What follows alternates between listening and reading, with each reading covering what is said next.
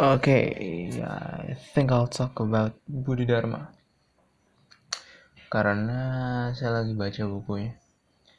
Actually, I I read two, two tiga sih, tiga fiksi dalam beberapa beberapa minggu ke belakang ya, setelah setelah anak hari ini. Um, Pride, Pride and Prejudice belum keluar cuman beberapa halaman doang.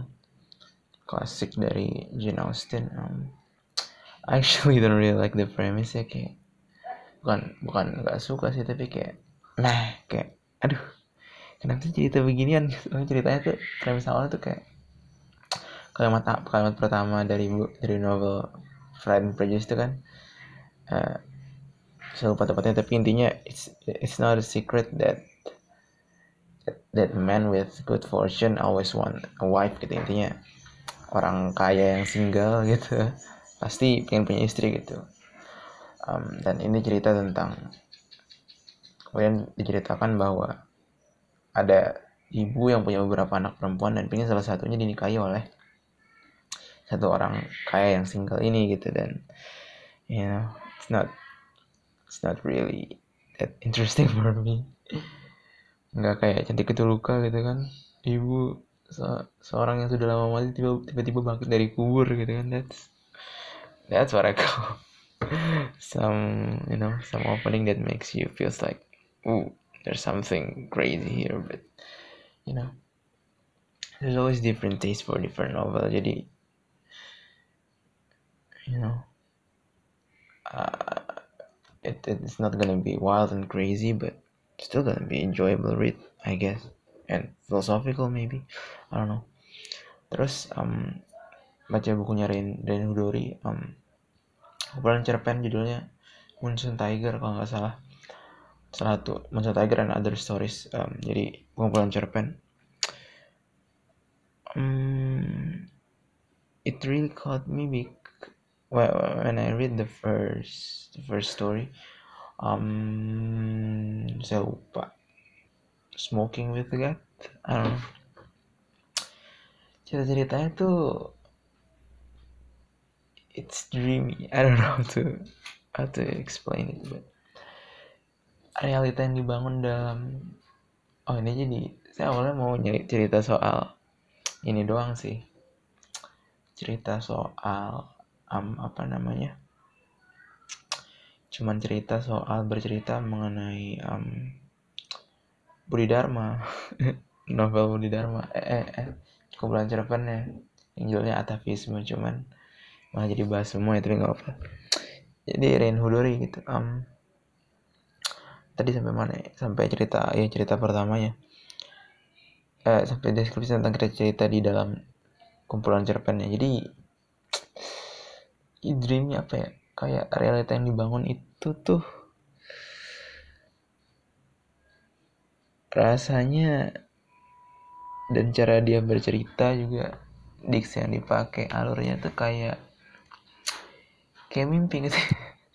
Realitanya tuh loncat-loncat gitu plotnya tiba-tiba sini ke sini dari sana ke sana dan cara karakter-karakternya bercakap-cakap tidak seperti kita biasa bercakap-cakap penuh dengan metafor dan kemudian pendeskripsiannya juga rada iya kayak um, mungkin gampangnya contoh ya kayak smoking with God gitu. Tiba-tiba seorang karakternya me, menyipitkan mat, me, menutup muka wajahnya dengan tangannya gitu kan. Tapi tangannya kemudian dibuka sedikit di sela-sela jarinya sehingga dia bisa melihat keluar. Dan kemudian ketika melihat keluar dia menyaksikan ada Tuhan dan kemudian dia um, berbicara dengan Tuhan gitu kan. Terus kayak cara dia mendeskripsikan bahwa oh ternyata um, seperti ada dua realita yang berbeda di rumahnya. Di lantai atas adalah ayahnya dan di lantai bawah adalah ibunya dan kemudian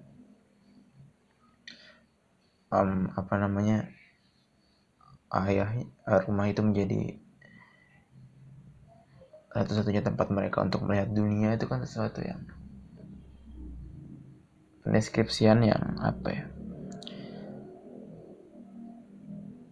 Hmm I don't know how to describe sih sebetulnya. Dreamy apa ya? I need to come up with better better description sih sebetulnya. Hmm ya itulah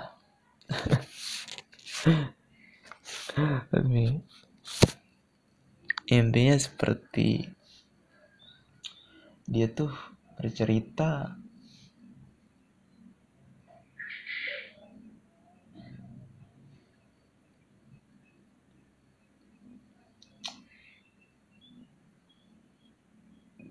dia lebih bercerita menceritakan internal feeling karakter-karakternya dalam deskripsinya gitu.